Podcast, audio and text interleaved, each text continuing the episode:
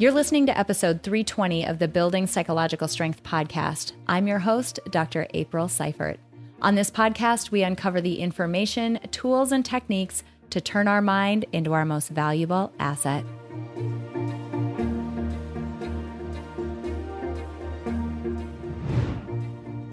Welcome back to the Building Psychological Strength podcast. On this podcast, we explore the very nature of our minds, how they work, and how they shape our life experience. We believe that life is finite and precious. We know that our minds provide a powerful lens through which we experience the world, and we choose to take responsibility for building psychological strength to craft a life experience that's worth living. I'm Dr. April, a social cognitive psychologist and a life design strategist, and I'm so glad you're here. Friends, during this episode, you are going to learn some seriously practical information. I am a self proclaimed overachiever. I also have perfectionistic tendencies and I tend to say yes to way too many things. And this means I end up in a situation where there's a lot on my plate. Lots of times I am struggling with ways to be more productive, more efficient. And even though I know better, I turn to some tactics that I know as a cognitive psychologist are not effective and not good for me. So if you're one of those people who struggles with trying to be more productive, who multitasks. Maybe you feel like an octopus with eight arms and you're trying to juggle eight different things on a day to day basis and you're feeling overwhelmed. This episode is for you. Today, we're speaking with Dr. Nicole Byers. She's a neuropsychologist, a speaker, and the host of the Bold Life podcast. She's also the CEO of Rocky Mountain Neurosciences in Calgary, Canada. She has a PhD in clinical psychology from the University of Saskatchewan, and she's an adjunct research assistant professor with the University of Calgary. She's published articles in professional journals on the topics of brain health and neuroscience. She's also, like me, and like many of us, an ambitious overachiever herself, a self self described neuroscience nerd, and a mom to one very opinionated preschooler who keeps her on her toes. This episode is jam packed with practical information that you can use to make slight tweaks, slight tweaks that have a meaningful outcome for you in order to be more productive and efficient. So let's dive in.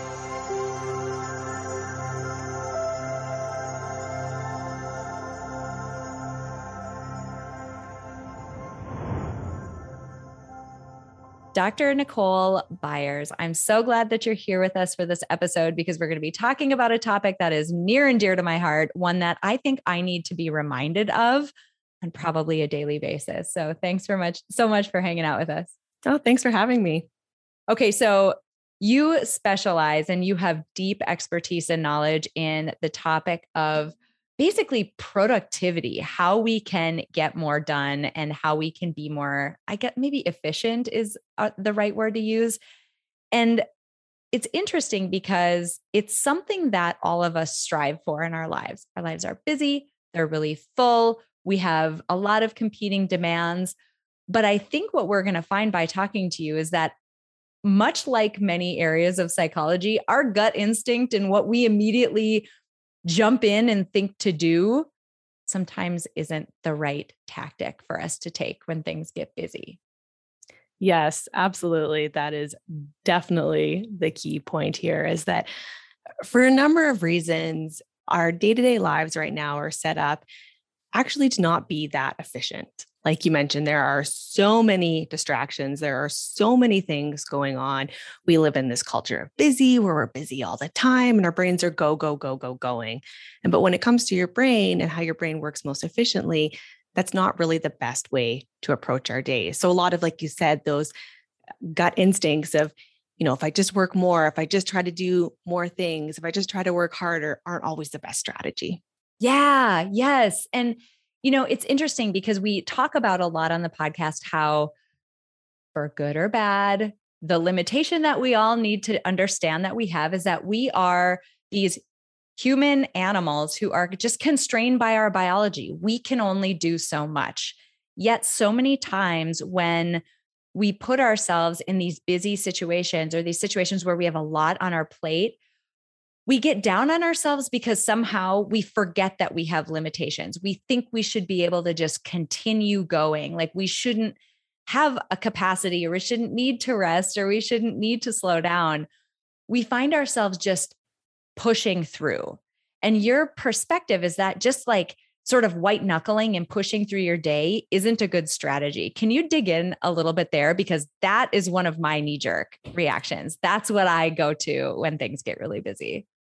And I think most of us do, to be fair. I think that's where we go, right? Is I have so much to do. I am just going to sit here at my desk for the next 10 hours and not move until I'm done.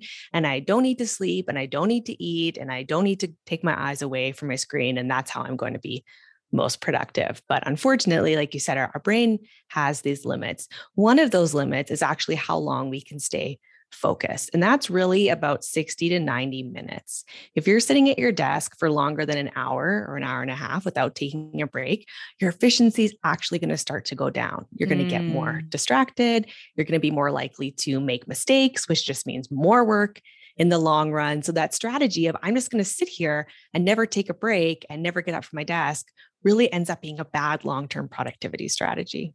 I think that in and of itself is a huge point because if you think about the way that our workday is set up or even even people who have gotten really good at like time blocking, we don't think about rest. We Mhm. don't think about you know coming up for air and giving ourselves a minute. And we talk a lot about how there's a difference between like sleep and rest and you're making that great point right now that we need to pepper our day with those moments of rest and taking a break and moving away or even just context switching to let our mind sort of relax and do something else for a little bit of time. The analogy that I give sometimes is like a um and I think you'll have an interesting perspective on this, but like if you go to the gym, right, and you're going to work out with with either trainer A or trainer B. Trainer A is going to and you're going to do this for 90 minutes no matter what. Trainer A is going to have you do squats. And that's all you're going to do. You're just going to do squats. And at some point you're like, "Wow, I'm I'm like really fatigued. I don't know if I can do squats anymore." And they're like, "I don't care. Your session is 90 minutes. You need to keep doing squats." Versus another trainer, trainer B, you're going to do squats and then as your legs start to fatigue out and you need a break from that, maybe you take a break and you do push-ups for a little bit. You're going to do something different. You're still working, you're still like active and you're awake. You're not like sleeping and completely disengaging, but you're allowing your body to do something different. You're allowing your mind to take itself away from that activity and do something different for a little while to context switch. I would love your thoughts on that and like pressure test my analogy. I would love it. I really like that. That's a great one. I might borrow that going forward. I use the gym and working out as an example for a lot of um, topics around behavior change, but I really like that idea of you're absolutely right. If we're just doing the same thing over and over again, our brain fatigues, even at the really basic brain cell level. If you've ever, for example, been trying to come up with someone's name, maybe it's a name of a famous person or someone you know, and you're like, oh man, like I just can't remember it. It's right there on the tip of my tongue. And then four hours later, you're driving or you're in the shower, and all of a sudden that name comes to you. Right Yeah. what happens in our brains is when we're working too hard on the same thing, if we're spending all this energy trying to think of that one name or that one specific bit of information, actually the surrounding neurons, which are your brain cells, get inhibited, which means it's harder to activate them and find that information. It's like you're overworking that muscle in your brain, right? What? So late, yes. So later on, when you're not overworked, just like when you've stopped doing squats, you can use that brain energy again. Those cells are able to be activated. It works again. this is a perfect example of the you know the this is a biological mechanism we're talking about right we're talking about something at the cellular level and you know you're hearing this from a neuroscientist so you know we know we can you know put some stock in this but you've got this biological mechanism that is literally making it harder on us to you know do a task or continue to do a task. Yet what happens is we think no i just need to focus. I just need to and i hate this word so much i just need to grind and you know grind it out. And i'm like that's fine like you can eh, let's take an example that's outside of this you can yell at your stomach all day long for growling because you haven't eaten for 5 hours but it's not going to stop it doesn't mean that biologically somehow your body is going to operate differently but we think about our brains somehow we don't give them that benefit of being just another organ in our body that has limitations and needs and ways that it functions and ways that it doesn't. We don't give it that credibility. Yeah, absolutely. And we forget that, just like you said, that we need to treat our brain like any other muscle, and that's going to fatigue and that's going to get tired and that's not going to be at peak performance. I know we you know everyone likes to use the analogy of our brains as computers and that's not exactly right a computer can run indefinitely as long as it has power but that's not how your brain works really it is a muscle it is an organ it needs rest it needs rest throughout the day it needs sleep it needs all these things to recharge yeah, that's so good. Okay, so 60 to 90 minutes at a time. How long of a break would you suggest in there? Let's get tactical. Like, let's say somebody really wants to put this to work. They have a big project coming up. Maybe they're writing something or working on something for their job and they're trying to put this into action. How long of a break do we need in between there? Can be pretty short, five to 10 minutes is great. It can be, and it doesn't have to be a full break depending on your task. Let me let me explain that a little bit. So say you're working on something really challenging and you're feeling quite fatigued, you're feeling your energies down, take a real break, a five ten minute break, get up, go do something else. But sometimes that break can be just switching to a different task. So instead mm. of, you know, working on paperwork that's really challenging, I'm going to go make some client calls that don't use the same parts of my brain, those same resources. So I'd say keep an eye on energy levels. That's usually a great indicator. If you're still feeling energized, maybe just switch to something else to refresh your brain. But if you actually need that break, get up, walk around, get some fresh air, whatever you need to do. Five 10 minutes is great. That's awesome because so many times people hear these tips and the you know this information and they think there's no way that would fit into my day and what you're talking about is such a small uh, such a small investment to make to get such a big reward out of it to be able to focus and feel like you are performing at the level you want to perform at once you come back from that break. Absolutely. That's awesome. Okay, so we have this tendency to want to just grind, push through, white knuckle, keep going. We know that's not a good thing. Let's talk about another one. Um, I hear people say this all the time. It's okay because I'm a really good multitasker. I'm really good at multi- multitasking. Dive in there. Yes. Yeah, I'm like grinning here because I find this hilarious too. It also drives me bonkers, right? When folks say this. And also the other one that drives me bonkers is that we ask for this, right? We see we put job applications and job postings and are like, must be great at multitasking. And I'm like, why are we advocating for multitasking because your brain can't actually multitask the way we think it can. It can't do two things at once when we're doing these complex wow. tasks. What we do is we switch our focus super, super, super fast back and forth. So if I am responding to emails while I'm sitting in a meeting trying to listen, my brain is pulling my focus from the email to the meeting to the email to the meeting to the email to the meeting back and back and back and back. And that is really inefficient for your brain. Yeah. And it's not what people think. I mean, we feel when we're in that situation. Why is that? Why is it when we're in in that chair, that person in the meeting who's checking their email and going back and forth, we feel like we're doing a good job. We feel like we're killing it at that time. But what you're saying is like we're doing this insane like context switching between the two places what's with the like difference in how that situation feels to us? Are we just acclimated or what is it that leads us to think that we're so good at this so and i mean it's it's just impossible?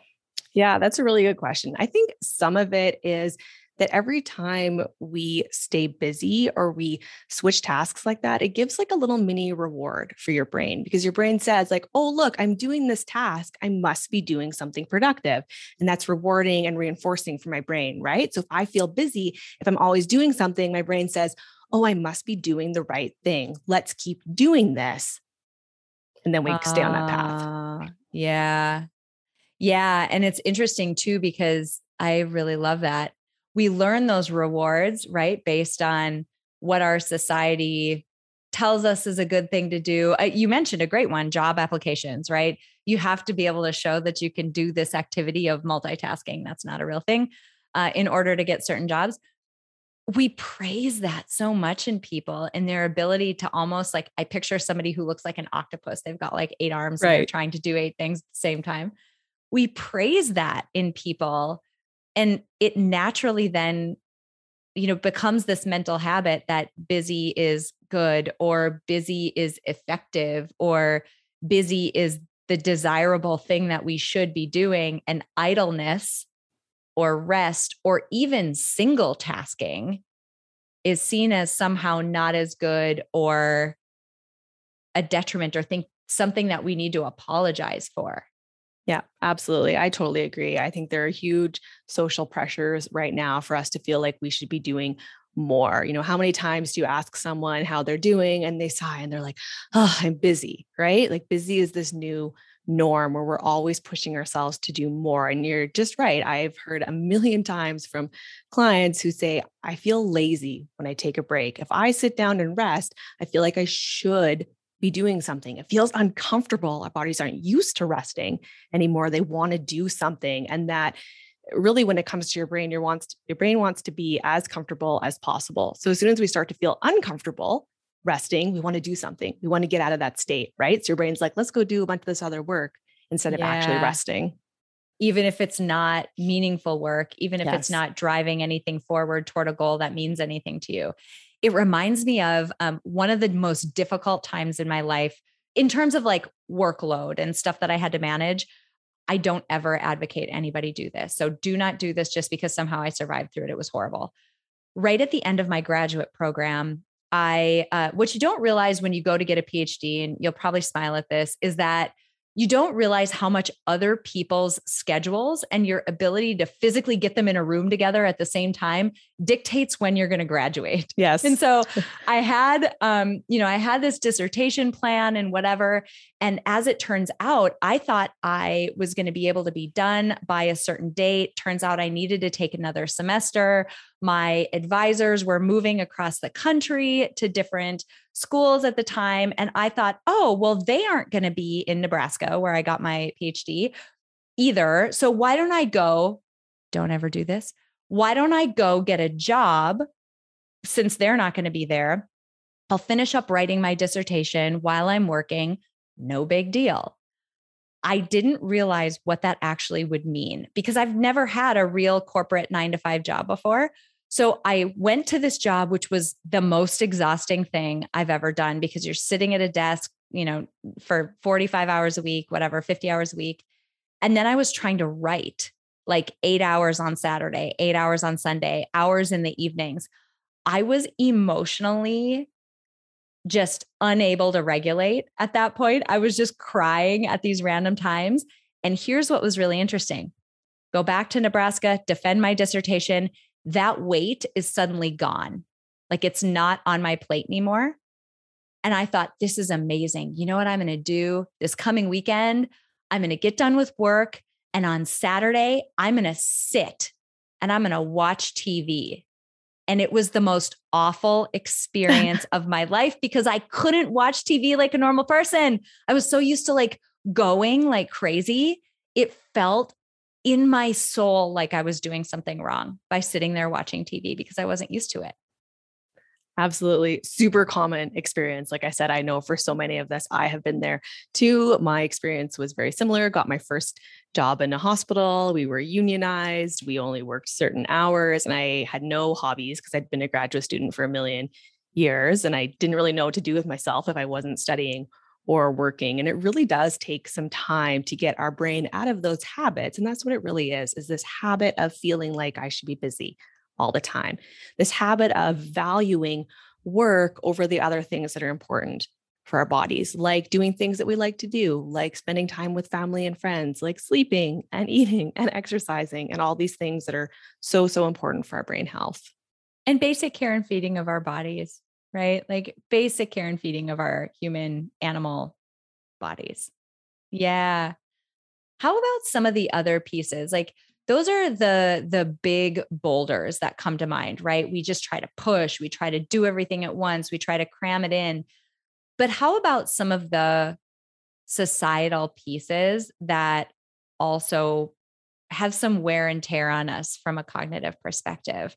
Things like you know, distractions with devices and just information coming in, you know, those pieces feel like they're also on top of this, you know, big plate of, I, I guess, factors that make it more difficult for us to focus and perform. how does all of that play into into our productivity yeah that's a really great question and you're absolutely right technology is a big part of our distractibility right now you know before i know you and i before we jumped on this podcast we shut down all of our email alerts and things so they're not binging at us but most of us keep those things open all day right so i'm working on this task and then i see an email pop up and i go answer that email and then i try to come back and focus. And when we think about the efforts and the resources that that takes from your brain, every time I'm shifting my focus to that email, that's taking energy. I answer the email, I try to go back to where I was before, it's taking me more energy to get refocused again.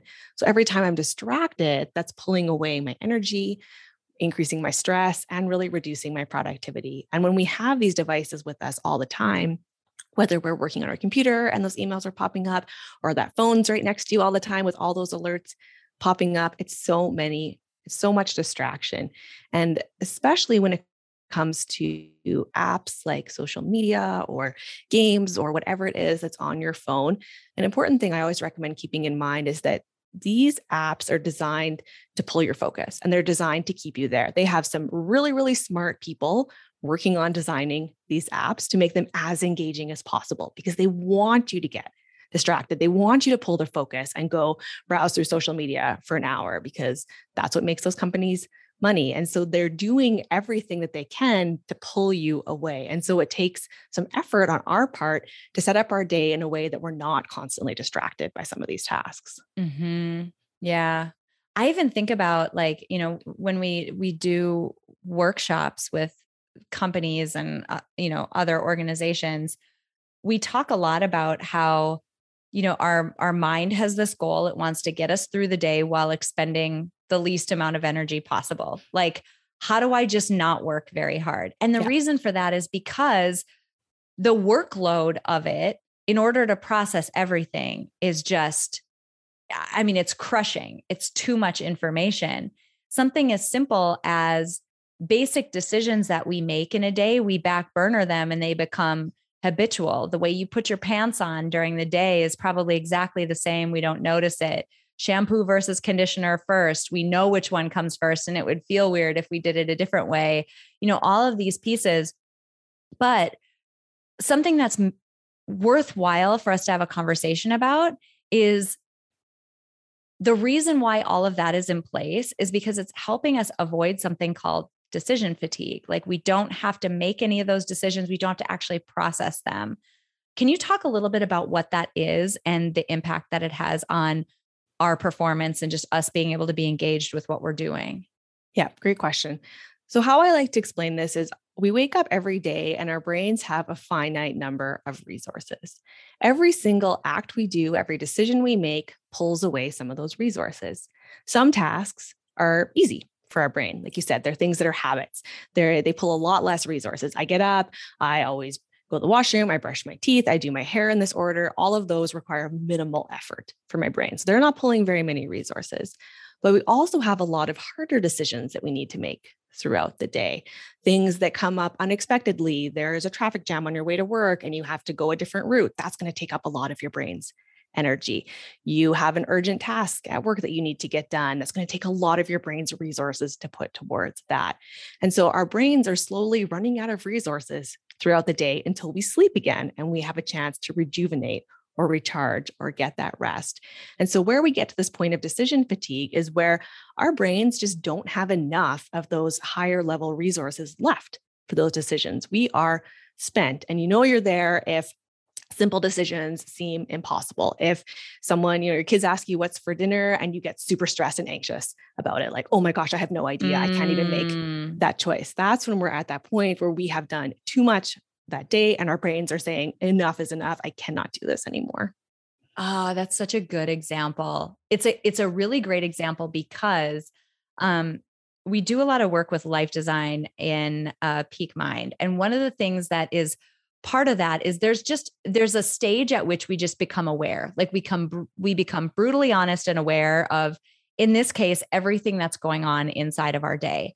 And there's two sneaky things that we've talked about that people don't maybe put on the list of stuff that's taxing their brain.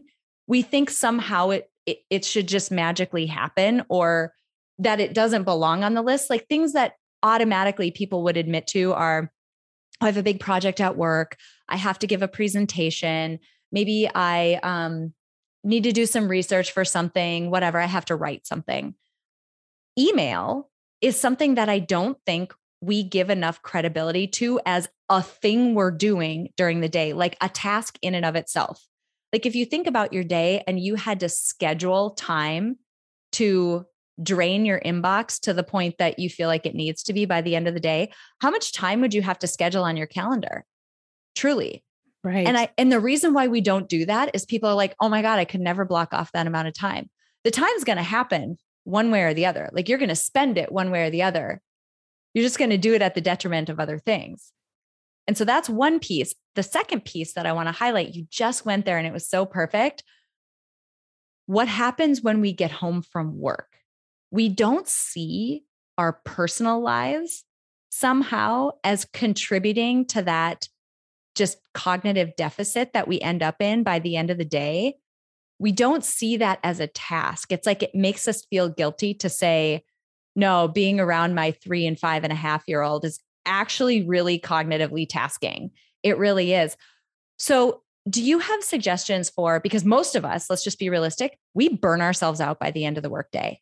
We're like grasping reality at the end of the workday. What are some tips for making that transition? Because at some point, like if you if you've gassed yourself at the end of the workday, that doesn't mean your kids and your you know per- personal responsibilities and stuff aren't going to be there when you get home. Is there a way that we can sort of recharge or get ourselves back or things that we can do to make that transition better? That's a great question. One Not asking I'd, for a friend, totally. Yeah, right. yeah. yeah.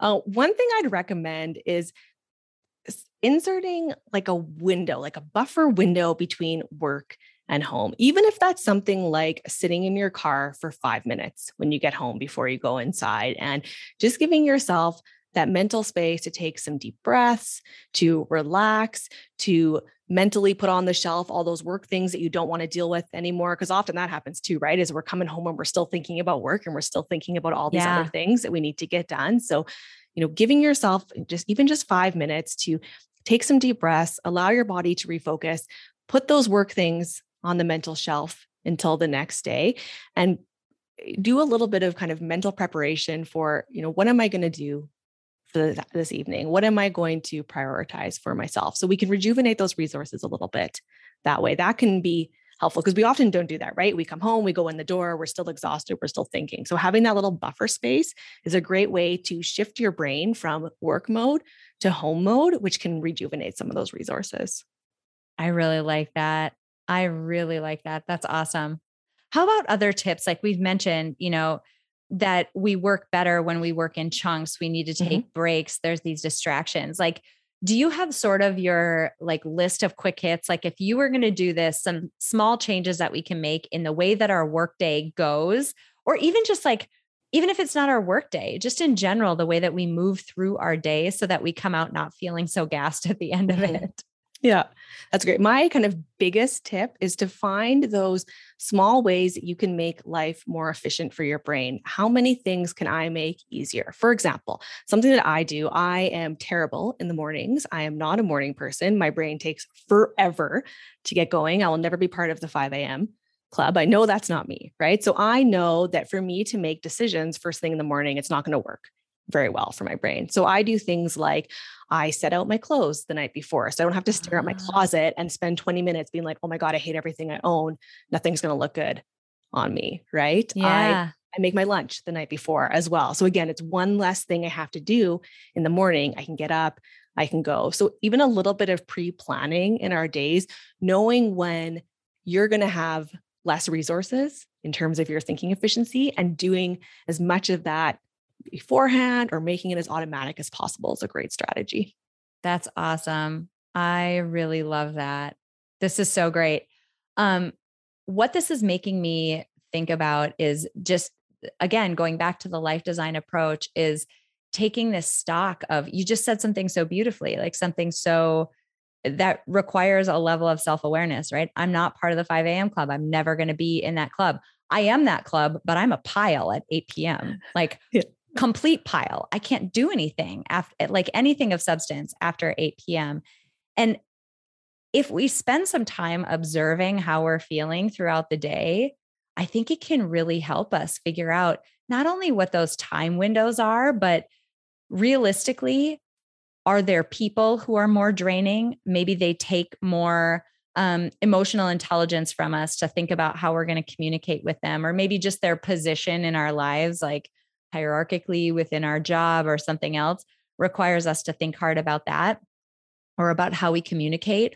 Or maybe they're just a more demanding person. And we know historically when they email, it's going to be more of a fire drill kind of thing. Like it's embedded in what you were saying is this level of self awareness that if we spend some time thinking about how we're feeling and how we feel like we're performing moment to moment, can we diagnose what those things are uniquely for us that are zapping our ability to be productive? And just it, it is, it's a performance thing, right? Yeah. Like, how do we get down to being able to set ourselves up so that we're we're at our best throughout the day? What are those unique factors? I really love that you pointed out there to kind of paying attention to how we're feeling because often our bodies will give us those first signs right? I don't really notice that i'm stressed and overwhelmed but my body starts to feel it. I'm sluggish my stomach's bugging me my shoulders are in giant knots they're up to my ears all the time.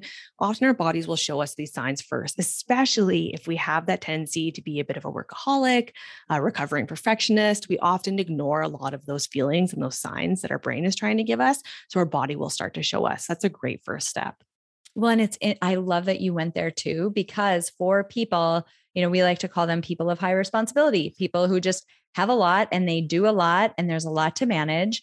Um, it's interesting because you tend to go to, um, you tend to go to your head more quickly. How do I get this done? Like, what is the task list? What is yeah. the series of steps? You're not listening to your body saying, can I take this on right now? Or is this something that's even meaningful to me that I want to do? So I know for me, like a big, um, a big issue that I need to think about constantly, work on constantly. It is not a habit. It doesn't come easily. It's really, it can wreak havoc in my life.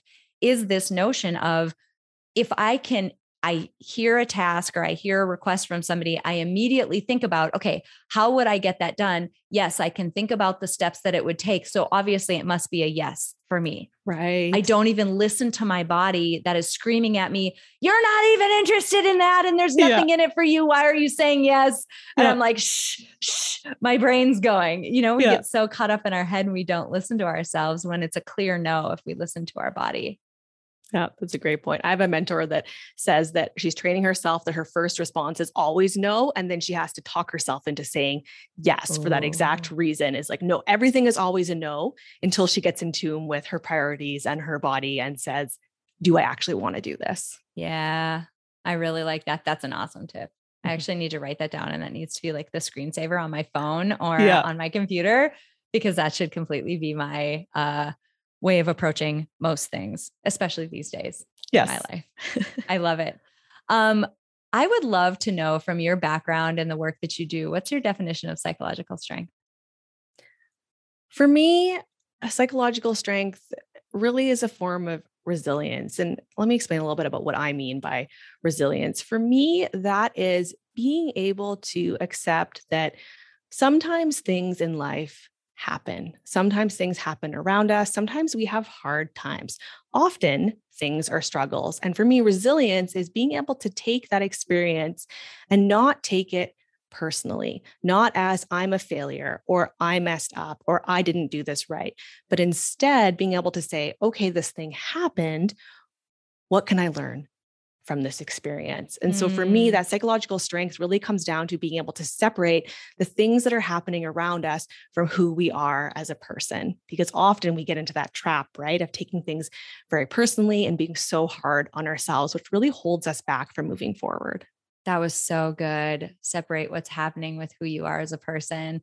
It's so hard to do, but it's one of those things that if we practice it, you know, free throw practice over and over and over, that is some muscle memory that we could really benefit from developing, as was everything that you talked about in this episode. It was awesome. Thank you. Can you tell us a little bit about where we can find you if we want to learn more? Yeah, probably best place is to go to my website. It's drnicolebyers.com. I have links to my blog and my podcast on there as well, and also a number of free resources, including one that I think would be great for folks who like this episode. I have a daily productivity checklist, and it walks folks through just that we've been talking about how I set my day up for success, often in advance, and some of those things that I do the night before to save some of those mental resources and make my day more efficient.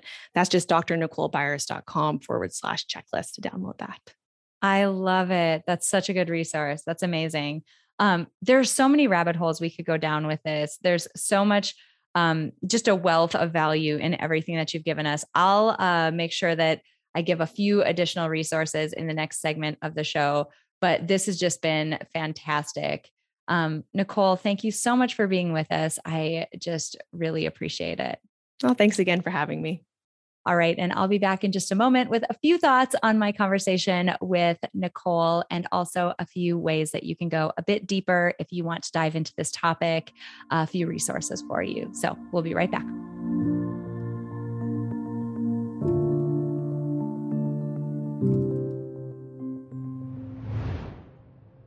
Hope you enjoyed that interview with Dr. Nicole Byers. You know, as she was speaking, there were so many directions that my mind was going, which is kind of funny given the topic that she was talking about. But one that I want to hit on is another reason why decision making can be really difficult for us. So, Nicole talked a lot about decision fatigue and just cognitive overwhelm, and that is such a real topic and such a real inhibitor to us being able to move forward, make good decisions, and actually feel like we have some bandwidth at the end of them. But there's a second one that I want to highlight. And I'm going to give you a few resources in or a couple of resources in order to dig in deeper. This is what has been called the paradox of choice. So, what we find in psychology is that when we when we have to make a decision, lots of us feel like we want to have a lot of options to choose from. We want to be able to sift through lots of options. So we like things like Amazon because it feels like there's a lot of options there. Or we like Netflix because there's a ton of options there for us to watch. As it turns out, what we find is that when we're faced with a decision to make and we have a lot of options on our plate, it's actually harder for us to make the decision. And no matter what we pick, we're less satisfied with the outcome. It's this crazy paradox of choice. And there's some depth in it. And so I'm going to give you a couple of resources that you can uh, use and go to if you want to learn a little bit more. The first one is a blog post that my partner in Peak Mind, Ashley Smith, wrote, and it's called Why is This Decision So Hard to Make? How to Overcome Indecisiveness. And in that blog post, she talks about the paradox of choice and why it's so difficult for us to choose and why we're unhappy afterward when we have a lot of choices. She also gives some really good practical tips in that blog post. So I'm not going to dive into it here, but if you're curious about that topic, scroll down on your mobile device or visit this uh, show notes page. You can find a link to that podcast or to that blog post uh, in this episode description. The second thing I want to talk about is a TED talk by Patrick McGinnis. It's called How to Make Faster Decisions. And he highlights a similar uh, situation. He has a really cool name for it, though. Uh, we've all heard about FOMO or fear of missing out. Uh, I think he's the guy who actually coined that term. He actually coined another term called FOBO, so F O B O, or the fear of better options. So you can see how this links to the paradox of choice, right? The more options we have, the more we start to worry if we've picked the right one, quote, right one, or quote, best one, because there are so many other options out there. And what if one is better than what we chose? We're trying to optimize. Now, I bring all this up because if you think about what all of that extra processing to sort through all of those options and to try to make sure that we're choosing the best one, think about how much cognitive processing goes into that. And we talked to Dr. Byers about how you know, already we're inundated with information. Already we are gassed at the end of the day, and we're finding ourselves having a hard time making decisions toward the end of the day. here's just another factor that plays into it with some really good tips in these resources about what you can do from there. And the last thing that I want to highlight is when Dr. Byers was talking about what she does, sort of that buffer point in between when you finish up your professional day, if you're somebody who works in, you know, a typical job, or uh, so when you finish up your professional day and you're going to come home, that buffer time and what you can do. I want to offer up one other example of something that I've found to be extremely helpful for myself, as I am one of those people who will sit and ruminate and go through the list of things that needs to be done, and it'll end up ruining my evening. So, one of the things that I do during that buffer time is I get out my self journal. Again, bestself.co has this amazing journal called the Self Journal. I use it every morning to plan out my day. But what I've started doing is what I've found is in that buffer time at the end of my day, there are always loose ends that just couldn't be tied up during the day. There are things I want to not forget to do the next day or you know, ideas that I I don't want to forget because I want to work on them the next day. That self journal has become sort of the brain dump repository for everything that tomorrow's April needs to know from me right now so that I can get it out of my mind. I can make sure it's in a safe place. And I know that the April of the future, April tomorrow, has a good solid jumping off point for what I wanted her to know as I finish up my day to day. Being able to sort of psychologically set that load down has really helped me be more present and more engaged with my family and with my kids at the end of the day, especially when I've had an extremely crazy day. So, just something to keep in mind, something to be aware of as another sort of practical tip that you can put in that buffer time between when your professional day ends and when it's time to go back and be with your family. So, just again, today we heard from Dr. Nicole Byers and we talked about brain hacks and tips that we can use to boost productivity. Thank you so much, Nicole, for such an incredible conversation. Again, if you want to learn more about Nicole's work, you can visit her website, drnicolebyers.com. That's also linked below. And I want to thank each and every one of you who has left us a rating or a review on iTunes. If you haven't done that yet, I would so appreciate it if you would. And finally, as we close out, let's remember that time is the most non renewable resource on the planet. And I'm grateful to each and every one of you who chose to spend some of your precious time with me today. I'm Dr. April Seifert, and I'll see you next week.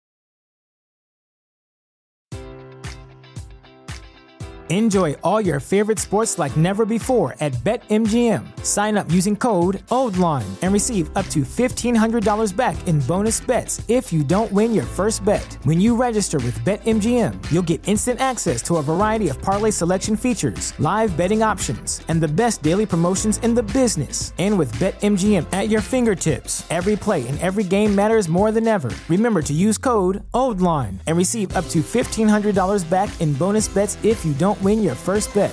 BetMGM and GameSense remind you to play responsibly. See BetMGM.com for terms. 21 plus only, Maryland only. New customer offer, subject to eligibility requirements. Rewards are non withdrawable bonus bets that expire in seven days. Please play responsibly. For help, visit MDGamblingHelp.org or call 1 800 Gambler in partnership with MGM National Harbor. Promotional offer not available in Washington, D.C. At Parker, our purpose is simple. We want to make the world a better place by working more efficiently, by using more sustainable practices, by developing better technologies. We keep moving forward.